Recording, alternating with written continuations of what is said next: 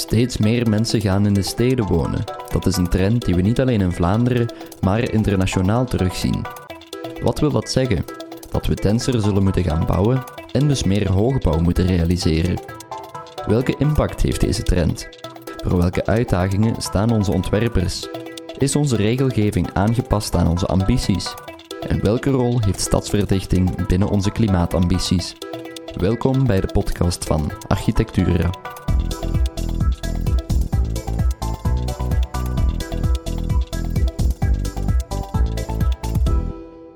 Welkom bij de Architectura-podcast, waarin we het in deze aflevering hebben over stadsverdichting.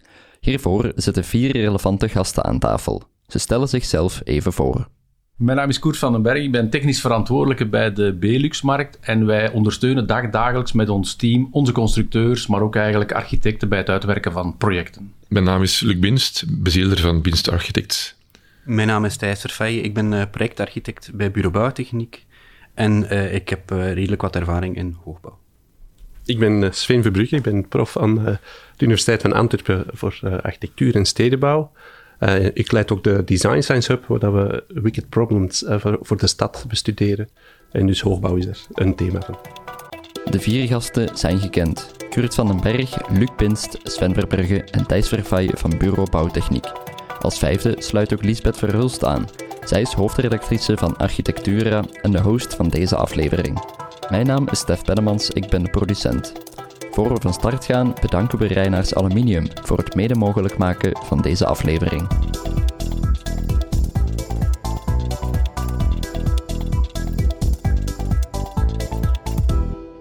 In deze aflevering hebben we het over stadsverdichting, een internationale trend die ook in ons land duidelijk merkbaar is.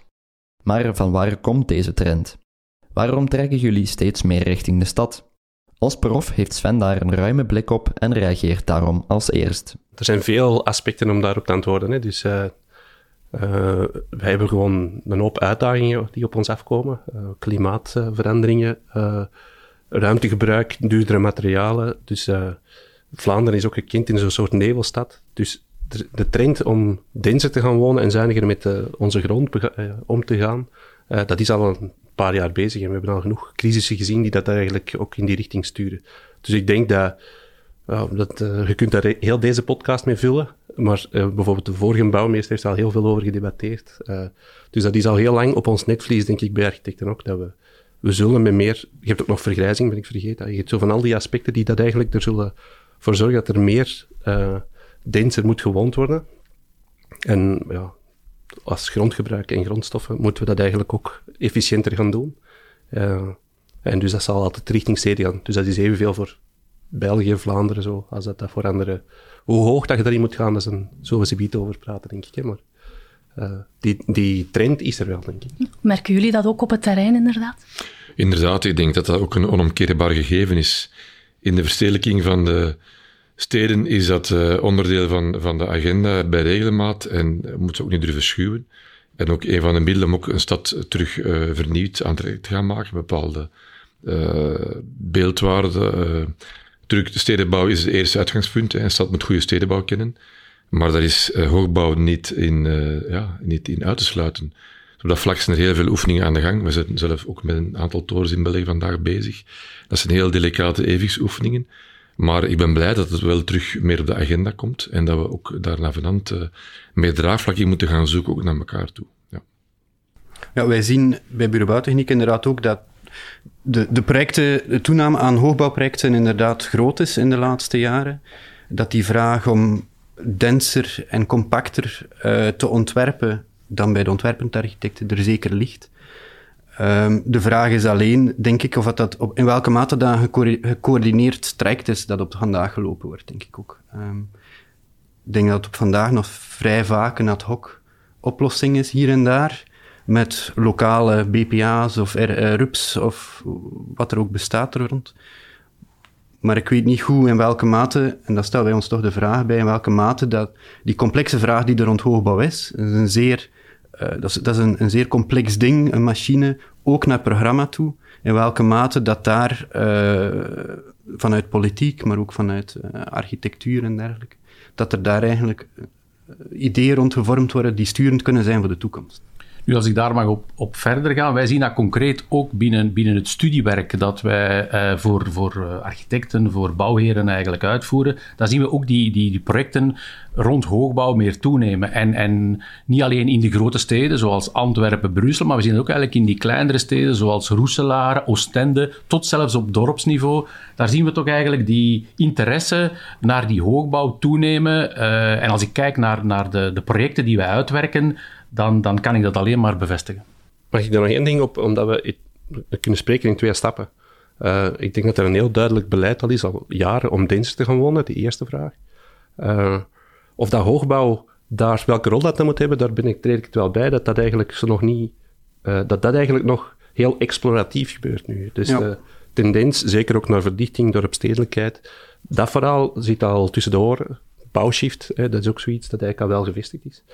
Ik denk dat we nu pas aan het kijken zijn van, ja, we moeten ook een kader hebben voor hoogbouw. Ja. Uh, en er zijn verschillende initiatieven al lopende op beleid, maar dat staat in zijn kinderschoenen om dat te herontdekken. We hebben dat al gekend. Hè. Dus, uh, en misschien heeft dat te veel slechte namen opgelopen in het verleden, experimenten die minder goed waren of zo. Of uh, mensen een kater van over hebben gehouden.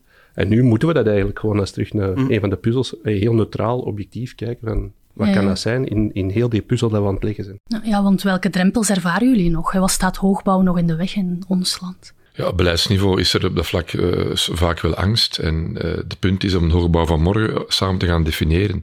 Het biedt inderdaad heel veel opportuniteiten naar uh, ja, programmatorische organisatie, beeldimpact naar een stad. Hoe kan zo'n gebouw ook echt een positieve hefboom en meerwaarde zijn voor een buurt? Wat vaak vandaag een probleem is naar draagvlak. Buurtcomité's, protestactiegroepen en dergelijke. Dat zijn allemaal gevoelige thema's.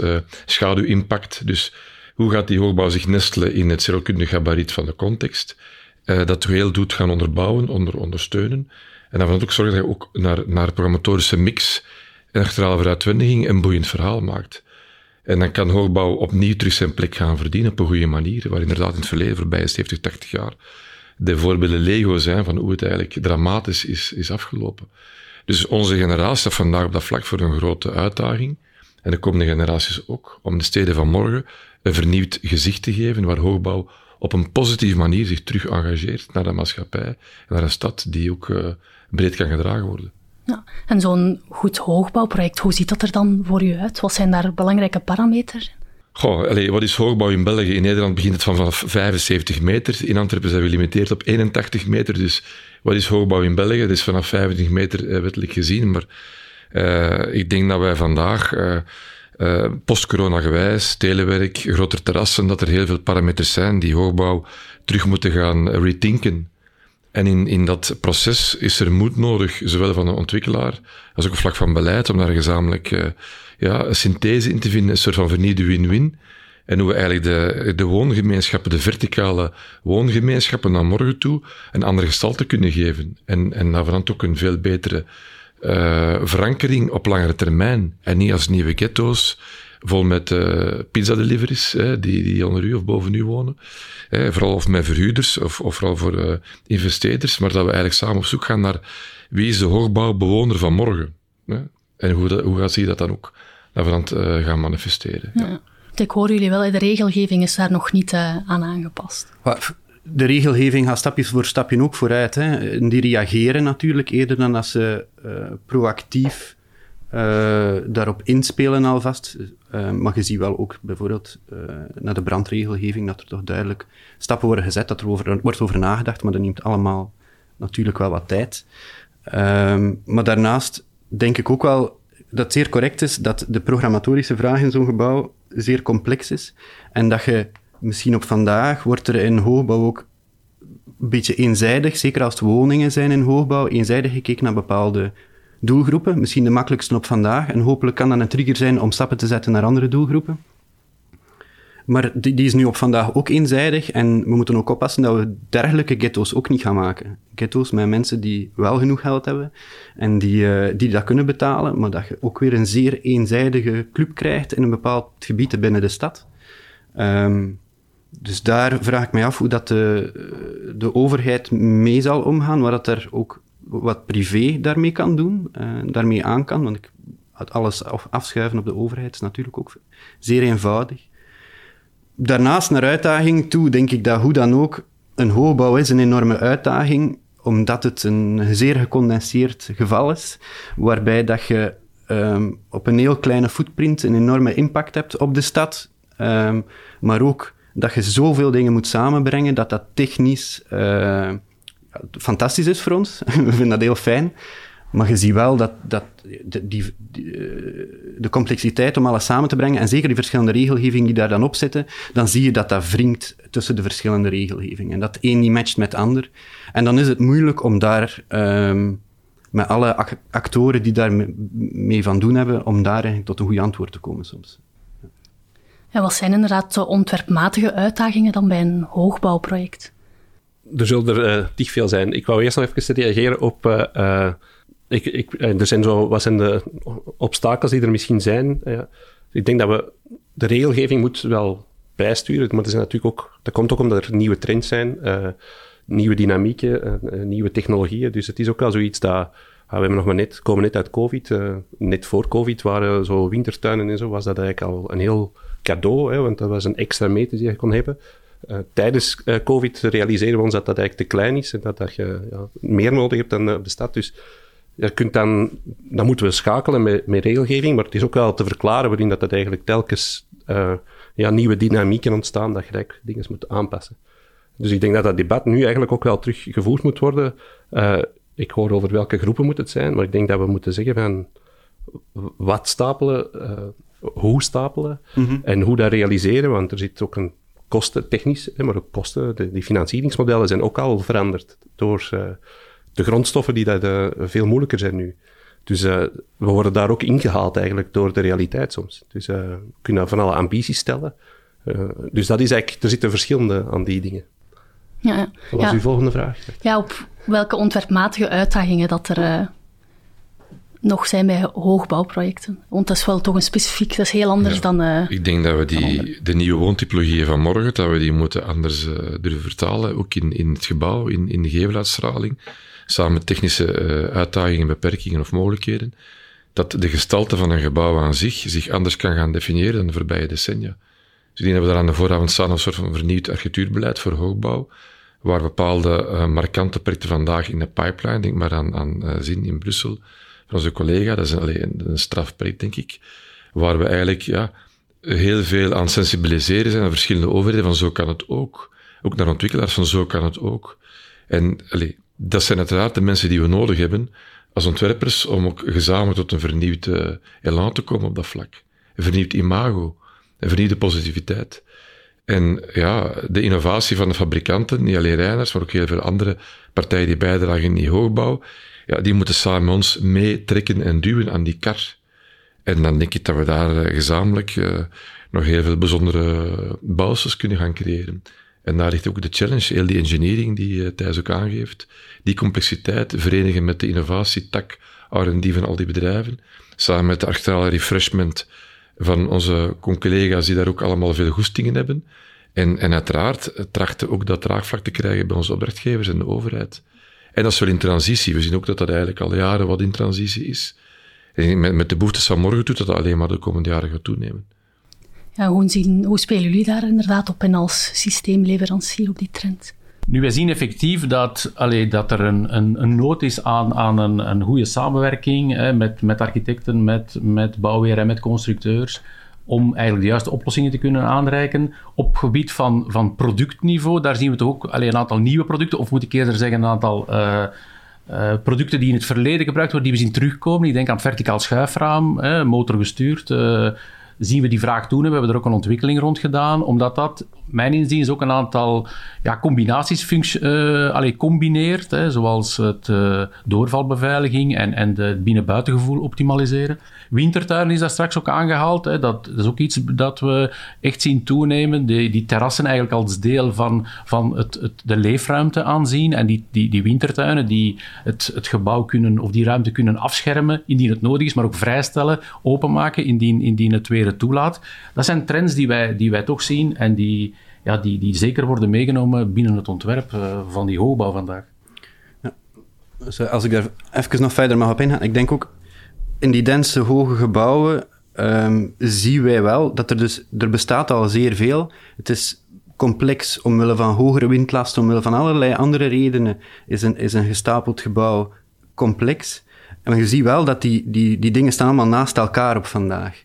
En ik denk dat de, de schotten die er bestaan tussen al die verschillende partners, zijn het onderaannemers ten opzichte van een hoofdaannemer, maar ook hoofdaannemer ten opzichte van architect, ten opzichte van adviseur akoestiek, adviseur stabiliteit, technieken. Die samenwerking is cruciaal om die puzzel te kunnen leggen. En die schotten tussen, de verschillende, tussen al die verschillende partners, die gaan nog meer moeten verdwijnen dan dat ze op vandaag bestaan, denk ik. Dan zie je dat dat in een hoogbouwproject zo essentieel is om zo'n project geïntegreerd, duurzaam, ambitieus te maken. Anders sta je allemaal naast elkaar te praten en kom je eigenlijk niet tot een goed gebouw.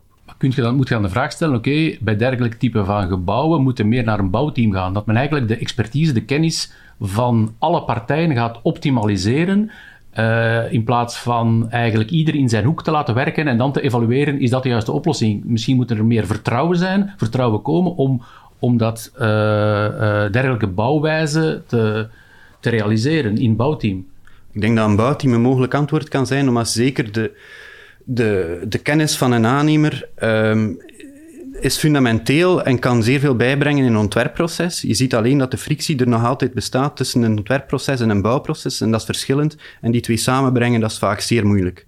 Um, ik denk dat binnen een ontwerpteam, dat we natuurlijk die schotten al langer wat naar beneden hebben gelaten, maar de realiteit is wel dat we het niet meer... Je kunt niet iemand aan de top zetten die dat allemaal gaat samenbrengen en naar iedereen luistert, zijn ding ervan neemt en daar een soort uh, antwoord op biedt, gevoelt dat iedereen zo'n hoge inbreng heeft en heel dat rijkt, dat dat een samenstelling is van allerlei ideeën. En, en, en dus die schotten, die moeten daartussen, ja, die, die, die moeten zo, zo klein mogelijk zijn. Het moet echt vanuit een team komen. Als je een hoogbouw niet als een team gaat bouwen, maar naast elkaar gaat werken, dan gaat het volgens mij absoluut geen goede resultaten komen. Ja, ik denk dat niet alleen... Allee, dus ik ben het mee eens, die uh, technische eisen liggen er. Uh, en er bouwteam kan een antwoord zijn. Uh, ik denk dat het belangrijk gaat zijn in die complexe uitdagingen, ook omdat we die op grotere schaal gaan we die gebouwen ook meerekenen in de performantie van een wijk of zo. Dus het is niet alleen van hoe werkt die gevel en die kern, ja, het is hoe dat die wijk opereert natuurlijk. Dus je zult meer kennis en dingen samen moeten hebben, dus alle schotten moeten eruit. Dus ik denk ja, ook tussen de overheid en de. Ook daar zal een closere samenwerking moeten zijn, inderdaad. Denk ik. En ik denk dat er ja, digitale technieken uh, kunnen gebruikt worden ook. Dus het zal niet alleen van de technische. Ik weet dat jullie ook een soort uh, VR-room hebben of zo. Hè. Dus ik denk dat, we, Avalon, ja. je kunt ze nog op verschillende manieren inzetten om ook die uh, studiemodellen eigenlijk ook mee te gaan bekijken. Om hoe meer kennis dat erin is, hoe beter. Maar ik kwam nog even terug naar uh, uh, Luc, omdat ik vind dat, allee, dat zou ik niet willen overstappen. Er is we kunnen zeggen van, er is, uh, de uitdaging voor ontwerp is technisch, heel veel, hoe dat de componenten werken van een gebouw, hoe dat, dat optimaal, we moeten eigenlijk nog bedenken of, in het wat stapelen. Dat het kan zijn dat we hybride gebouwen maken. Het uh, ZIN-project is zo'n hybrid gebouw. Dat wil zeggen dat er meer circulatie in zit. Dat is Eigendomsstructuur is moeilijker. Uh, dus dat is ook, vraagt heel veel inventiviteit van de ontwerper om dat goed te krijgen. Om daar ook een soort uh, beheer te krijgen. En dan dat eerste vind ik, je hebt ook nog een soort soft side af te leggen. Is dat wij uh, aan een breder publiek gecommuniceerd moeten krijgen dat dit, dat dit een puzzelstuk is. Hè, dat we de hoogbouw in mijn ogen niet doen omdat we dat soort prestigeprojecten vinden. Mag ook, maar het heeft een rol te spelen. vooral in die wijkopbouw in het uh, gemeenschap uh, vormen. En dus moeten we alle vooroordelen die er zouden kunnen zijn, en het potentieel eerst ook aan een soort breder gemeenschap uh, kunnen vertellen. En dus daarin hebben we ook een soort. Zijn er wel projecten die op een andere reden, om een andere reden eigenlijk zo in beeld moeten komen. En gedurfd of wat meer moeten gewaagd iets laten zien ja. wat er eigenlijk zou kunnen zijn. Dus dat vind ik ook een belangrijke. Klopt, een aantal nieuwe pilootprojecten. Ik denk dat we te weinig goede pilootprojecten hebben om daar eigenlijk ook meer draagvlak in te vinden bij de buurt.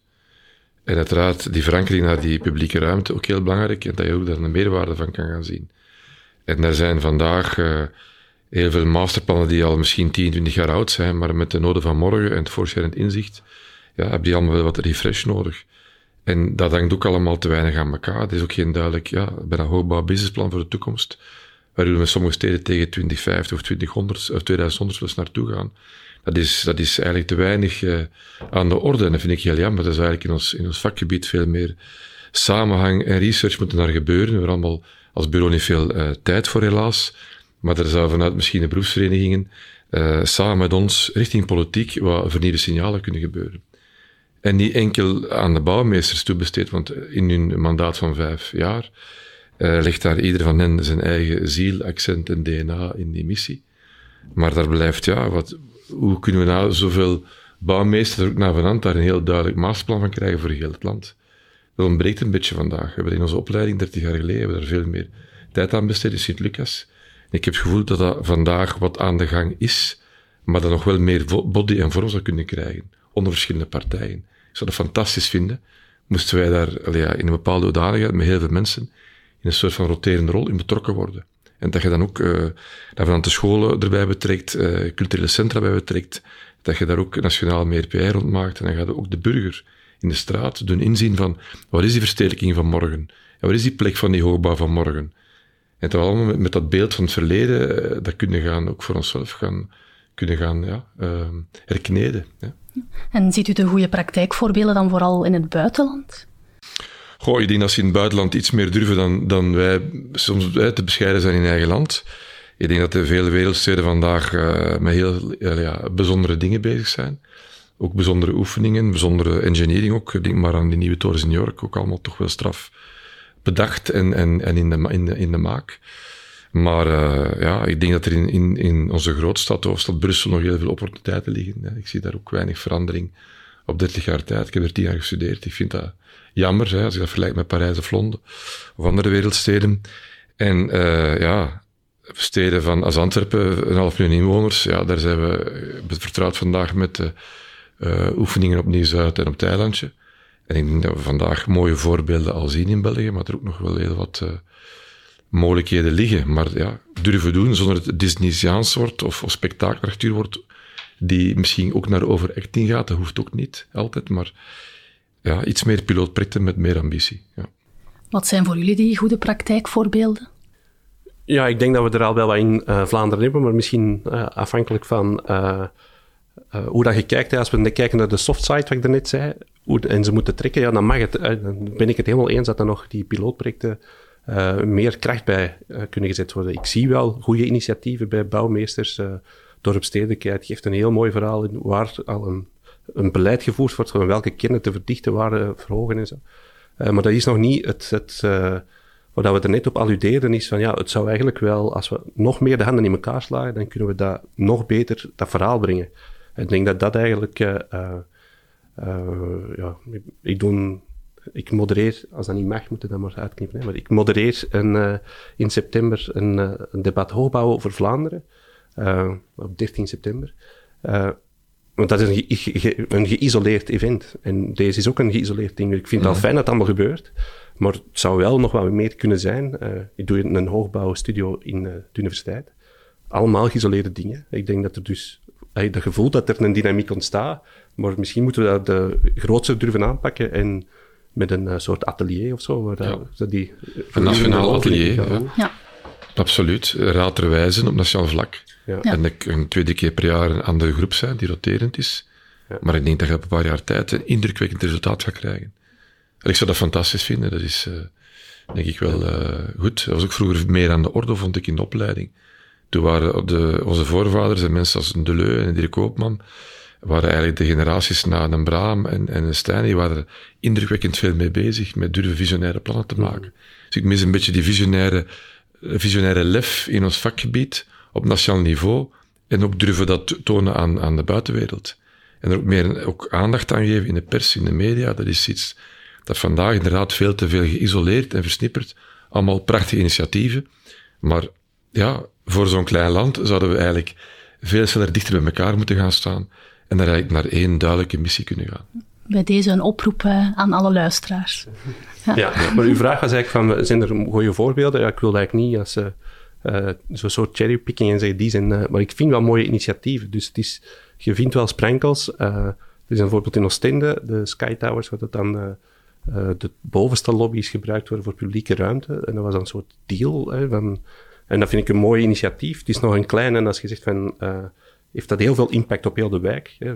Wordt er energie teruggebruikt en zo? Dat is daar niet het voorbeeld van. Hè? Dus, dus dat, ik vind dat je zo die, initiatieven zie ontstaan, dat er nagedacht wordt van ja, hoe wordt die, die torens nu gebruikt voor een betere wijk te maken of een betere om, eh, omstandigheden te creëren. En zo zijn er wel, dat doet Triple, eh, triple Living in het zuid, zijn er ook die mooie voorbeelden van. Ja. Eh, dus ik denk wel dat je deelaspecten van veel van die projecten nu kunt inzetten, het ZIN-project, dat je zegt, van, dat is uh, waar dat naartoe moet, alleen meer en meer gestructureerd en meer uh, gepromoot, zal ik maar zeggen. Ja, het ZIN-project zet ook sterk in op circulair bouwen. Mhm. Hoe kunnen we dat beter uh, integreren in een hoogbouwproject? Of nog beter? Ik denk dat circulair bouwen, hoe dan ook, altijd zeer gebouwspecifiek is. En dat je dus geen eenzijdig antwoord kunt geven op die vraag. Het zal afhangen van waar dat gebouw staat, wat er in dat gebouw zit. Uh, want bijvoorbeeld een, een, woningbouw, als dat appartementen zijn, dan weet je ook dat dat eigenlijk voor de komende 100 jaar waarschijnlijk nooit zal veranderen van, uh, van programma, gezien dat je met 100 verschillende eigenaars zit. Die gaan dat nooit allemaal samen verkopen op een bepaald moment. Maar je hebt natuurlijk andere gebouwen die meer in overheidshanden zijn, bijvoorbeeld, of kantoorgebouwen, waar dat je wel kunt gaan kijken hoe dat je gevels circulair kunt gaan maken, of toch dusdanig ontwerpen dat, je, dat, dat er makkelijker ook andere programma's in dat gebouw kunnen terechtkomen. Dus ik vind de vraag uh, te simpel als je, om, om een algemeen antwoord te geven op, op hoe gaat de circulair met hoogbouw. Maar ik denk wel dat er, hoe dan ook, gaan we naar anders bouwen met hoogbouw ook, omdat je eigenlijk absoluut wil vermijden dat, er, dat je stellingen moet plaatsen. Dus je gaat naar prefabricatie en prefabricatie heeft hoe dan ook naar duurzaamheid toe zeer interessante eigenschappen, maar je minder vervoer hebt, minder productie op de werf, alles gebeurt vooraf, waardoor dat er ook minder verliezen zijn. Je kunt ook goed nadenken en engineeren hoe dat je dat ding gaat maken, zodat er ook naderhand, als er aanpassingen zouden nodig zijn, hoe dat je dat gaat aanpakken. Dus door die prefabricatie ga je veel meer nadenken voordat je bouwt. En dat is hoe dan ook een, een, een, tendens dat je ziet op vandaag in, in alles dat we bouwen, dat we eigenlijk alles al bijna vooraf gaan bedenken, zo ver als mogelijk, om tijdens de bouw uh, ja, heel gericht te kunnen bouwen. Ja, en hoogbouw leent zich daar misschien ook meer toe. Wel, tot die wat ik daarnet al zei, het is zo gecondenseerd dat je ook die vraag daar krijgt. Hè? Omdat het zo hoog is, is het complexer, waardoor dat je ook de vraag krijgt om dat eenvoudig te kunnen bouwen. Als je een middelhoogbouw ergens zet, ja, het is misschien complex om te, om te bouwen, Sava dan wel, maar het programma gaan we dan heel goed proberen uit te zoeken dat we daar een, een heel interessant antwoord kunnen bieden. Um, maar in een oogbouw krijgt je dat gewoon allemaal samen. Ja, ja ook, ook dat, op, op die vraag zou ik een soort uh, systemisch antwoord uh, formuleren, omdat uh, het onrecht aandoen aan, het aan hoogbouwprojecten om dat enkel geïsoleerd te bestuderen. Circulariteit zal sowieso op een systemisch niveau zijn. Het zal zijn dat we op elk materiaal betere performantie krijgen, maar ook een je bestudeert eigenlijk de metabolisme van een stad om te weten wat het de materialen zijn, wat de uitstoot zijn. Om daar het, uh, en dus is dat maar een onderdeel van het bredere verhaal, Absoluut. hoe dat een hoogbouw erin zit. Mm -hmm. Luc, nog uh, aanvullingen? Of, ja, allee, hoogbouw, andere wetmatigheden, dat zien we ook. Hè. Alleen in de ondergrond, zeer zware funderingstechnieken. Dat zijn allemaal echt ook een, een aparte expertise, specialismen. Hè. Ze zijn ook bezig met Nederlandse uh, bureaus in betrokken, soms ook als een second opinion op Belgische studiebureaus. En dat is, uh, zoals Thijs zegt, ja, dat is oogbouw kost geld. Meer dan een gangbaar project, uh, middelhoogbouw of laagbouw. Dus ja, er moet vanuit andere mechano, methodiek, uh, aanpak gedacht worden vanaf, van bij de start. En dan is de vraag in hoeverre kun je daarvan afwijken om tot bepaalde uh, registrale um, ja, uh, refreshment te komen. En dat is eigenlijk iets dat per gebouw anders zal zijn voor een stuk, afhankelijk van budget van de klant, afhankelijk van het programma van eisen in de toren zelf. Maar ja, de, de materiaalcrisis hakt er zwaar op in vandaag. Ook op een circulaire gegeven. Ik denk dat ook potentieel circulaire gegeven kan, kan gaan vertragen. En dus gaan we dat ook allemaal uh, ja, zien evolueren. Maar uh, ja, het is uh, complexe materie. Maar je zit wel in een soort momentum, denk ik, dat je inderdaad door die materiaalcrisis die er op vandaag is, en net omgekeerd dan de vraag naar hoogbouw, die duidelijk toeneemt, dat, die, dat, die, dat zich wel echt op dit moment die vraag stelt, hoe gaan we nog gaan bouwen? En uh, ook Europees zie je toch uh, CO2-emissies die zwaarder gaan doorwegen, waardoor dat de cementsector... Hè, we, we, zijn nu aan het ontwerpen om te gaan bouwen in 2025, 2026. Mm. Gaan we dan nog met cement aan bouwen? zijn eigenlijk vol een bak. Want dat begint toch serieus dichterbij te komen, dat de CO2-emissies uh, zwaar gaan beginnen doorwegen. Uh, dus je zit op een enorme innovatiemoment eigenlijk, door allerlei factoren. Um, en dus ja, het is een zeer terecht moment om daar verder over te spreken met meerdere... Maar ik denk effectief dat, dat eigenlijk het, het circulair bouwen, dat dat een thema is dat op alle bouwwijzes gaat, gaat van toepassing zijn, dus ook op die hoogbouw, en door alle partijen ook gaat moeten mee rekening gehouden worden. Op dat vlak zijn wij ook uh, ons daarvan bewust, niet alleen naar, naar het duurzaam materiaalgebruik, maar ook naar het ontwerpen. Hoe kunnen we daar eigenlijk de, de ontwerpers, de bouwheren, eigenlijk de mogelijkheden laten zien van onder andere voor onze producten het, het, het aluminium schrijnwerk. Dus wij zijn daar zeker allee, bewust van en wij gaan daar volop op inzetten. In dat verband hebben wij ook een, een praktische gids uitgewerkt die meegeeft van hoe kun je eigenlijk dat circulair bouwen realiseren met, met het aluminium. Ik denk dat dat een, een voorbeeld is. Dat alleen gaat het natuurlijk niet, niet, niet maken, maar wij met alle partijen moeten stappen zetten om dat circulair bouwen eigenlijk ja, standaard, stap tot standaard bouwen te brengen.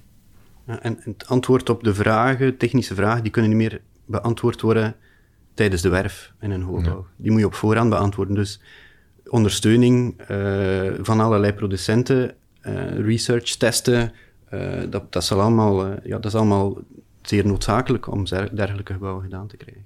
Ja, het is misschien een pluspuntje voor hoogbouw. Het zal niet het enige project zijn. Allee, het zal niet alleen bij hoogbouw gebeuren. Maar ja, mijn carrière voor prof, dat werkte ik voor Nuttelings Riedek Architecten, hoofdzakelijk. En wat ik wel gemerkt heb, is bij, net bij die hoogbouwprojecten wordt er net meer getest, worden er nieuwe raamprofielen ontdekt, windtunneltesten gedaan. Dus het is wel een, soort goede hefboom om bepaalde innovatie te ontwikkelen. Dus ja, en, en ze, is zeer aanwezig, ze is zeer aanwezig in de stad, dus ook het discours wordt sneller gevoerd daarover, hè? over wat er, er moet gebeuren met ons gebouwen. Ja. ja. Ja, jullie halen het zelf ook al aan, hè? dus de klimaatambities van Europa onder andere die liggen hoog, ook voor de bouwsector. Hoe kan uh, hoogbouw daar een rol in spelen om die ambities waar te maken?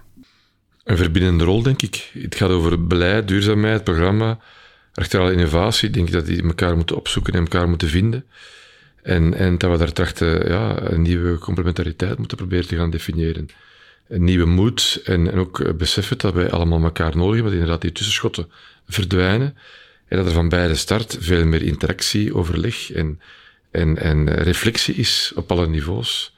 En, en, en samen durven doen, punt. Ja, ja ik, ik probeer nog... Eh, de, vroeger waren de, volgens mij hoop al veel sneller iets van een soort iconisch project. Ik zou nog eens naar een soort, uh, dat systemische, de, de communicerende vaten van, het zal niet alleen in hoopbouw zijn. En, uh, en ook niet, het, wat ik daarnet ook al zei, van die eisen voor zijn zo voor, klimaatuitdagingen 2050 zijn zo hoog dat de, de performantie van alle componenten beter moeten. En dat we dus uh, uh, zowel op componentniveau als op gebouwniveau iets moeten doen. districtniveau, klimaatwijken of warmtenetten. Dus je hebt van alle initiatieven op alle niveaus nodig. En dus ik denk dat we echt naar die hoogbouw moeten zien als een puzzelstuk in dat grote verhaal. en we gaan, hem nodig hebben. Hè. Dus zo, zowel, die hebben ook zijn de hoogste schouders die er zijn, dus die kunnen meer wind vangen. Daar kunnen we iets mee doen, meer zon pakken, die kunnen daar de gevel kan uh, uh, energie opwekken. Dus er, ze kunnen een, een rol spelen. Uh, ze geven ook schaduw, maar ja, ze laten veel grond vrij. Dus er zijn in dat systeem heeft de hoogbouw een rol te spelen. Ja, en, en technisch wat je daarnet zei, ik denk dat een hoogbouw, het is als het ware een Formule 1-auto, daar ga je dingen ontwikkelen om in de gewone, in de gewone wagens te gaan introduceren. Een hybride wagen was er nooit geweest zonder dat dat in Formule 1 was uitgewerkt. En ik denk dat een hoogbouw een beetje zo'n eh, zo'n effect kan hebben. Hmm. En, en heeft hoe dan ook eigenlijk. Een mooie afsluiter, maar definitief afsluiten doen we natuurlijk met onze architectuurquotes. Sven steekt van wal. Ik, had, ik wil er wel twee parafraseren. Dus ik had er geen gevonden. Dus ik was een beetje afwachten op de collega's. Ah, Maar uh, dat, dus ik ga dezelfde nageslagen. Maar ik weet dat Christian Barret op een bepaald moment heeft gezegd van... Uh, het erkennen van het groen in de steden, dat dat eigenlijk een soort uh, wapen is tegen zo de hysterie van de, het dense, denser maken van de stad. Dus geparafraseerd, want ik kan niet meer exact zeggen wat hij zei. Uh, en, en eigenlijk Alexander Doge als intendant heeft dat ook iets gelijkaardig gezegd van een stad heeft expansieruimte nodig. En ja, doordat je stapelt, houden die ruimte vrij. Als je dat dus in een evenwicht kunt brengen en, in combinatie zie, uh, dan vond ik dat eigenlijk sterk van die mensen om dat uh, op die na te kloppen. -hmm. Ik heb er een paar jaar geleden voor mezelf een aantal gedefinieerd in het kader ook van een, een toelichting over hoogbouw Waar ik onder andere heb meegegeven bon, de architectuur van de politiek is niet altijd compatibel met de politiek van de architectuur. En dat is iets dat eigenlijk voor mij ook eh, bij hoogbouw uh, merkbaar is.